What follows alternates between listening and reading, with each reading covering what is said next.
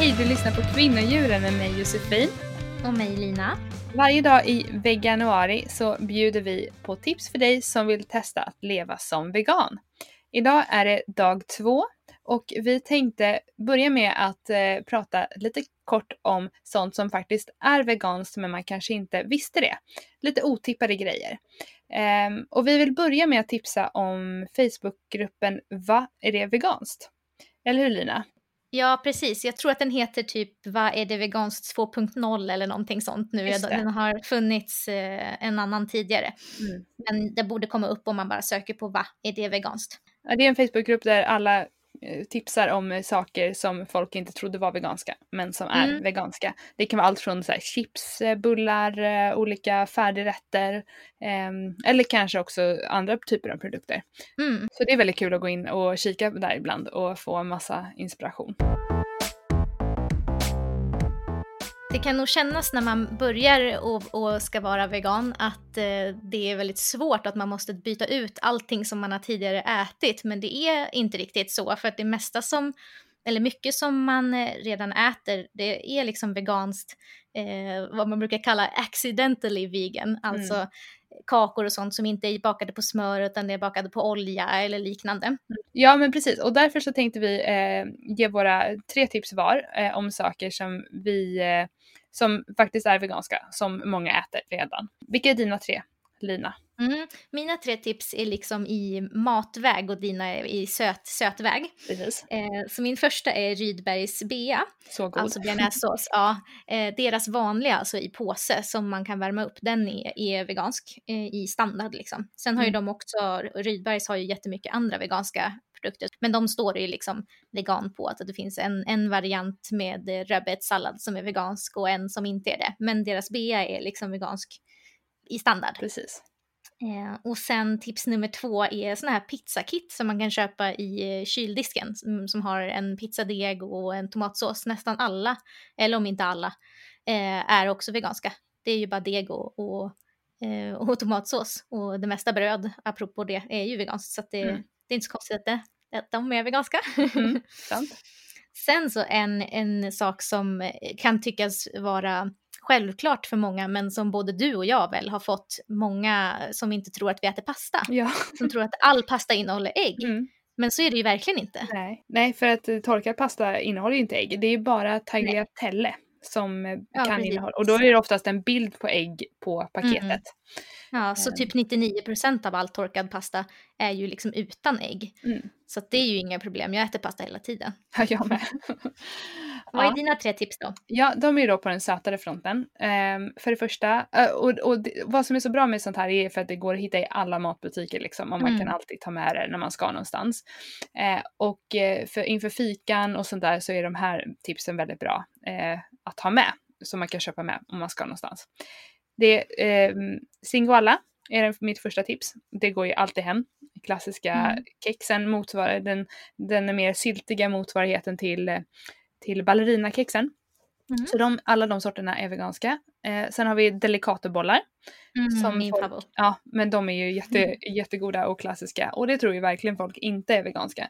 Men mm. när, när folk har lärt sig det så är det ju ofta det man får typ på företaget så här, på fikat så får man en mm. delicatoboll när alla andra får någon tårta eller någonting. Ja, och ibland så finns det ju, så släpper de ju sådana limited edition eh, sorter av Delicatoboll. Typ nu i julas vet jag att de hade en polkaboll som också var vegansk. Ah, ja, precis. Mm. Mm. Och sen så den sista tipset är frysta bullar.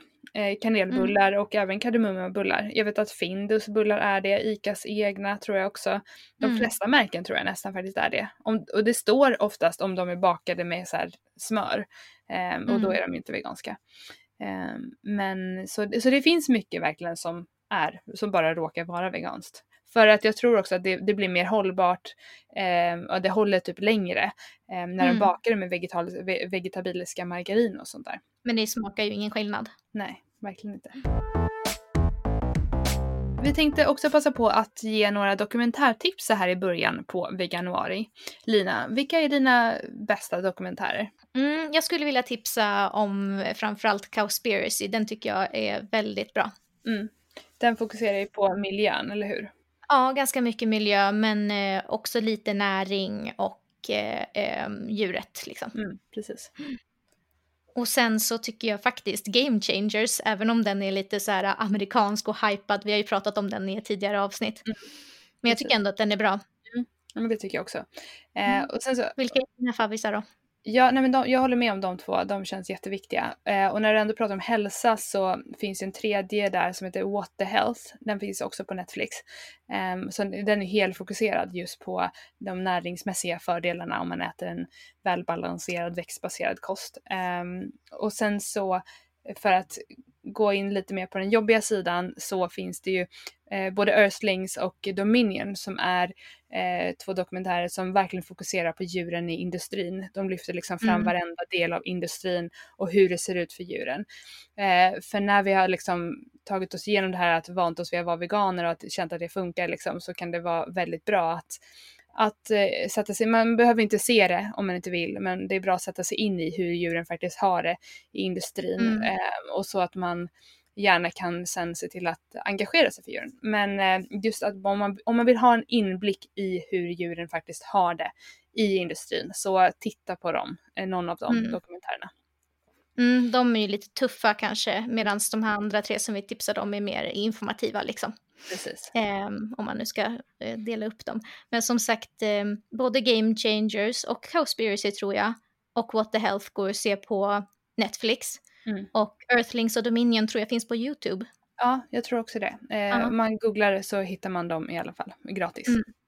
Vi kommer att lista dem i avsnittsbeskrivningen också så att ni kan se Precis. vad de heter om, ni, om vi uttalar det lite konstigt eller ni glömmer bort. Yes. Ja, och sen så avslutar vi som vanligt då med dagens recept. Vad har du valt idag Lina? Jag har valt en av mina favoriträtter som är nudlar med jordnötshummus. Mm. Det är ett jättekul sätt att äta hummus på, eller det känns faktiskt inte som hummus, men det är liksom en jordnötssås som man har till nudlar och tofu som är, gjorda på, som är gjord på kikärtor. Mm. den är superduper god. Finns på Vegomagasinets receptsida. Och vi delar en länk i avsnittsbeskrivningen. Och mm. Det var det vi hade för idag. Vi hörs imorgon. Det gör vi. Hej då. Hej då.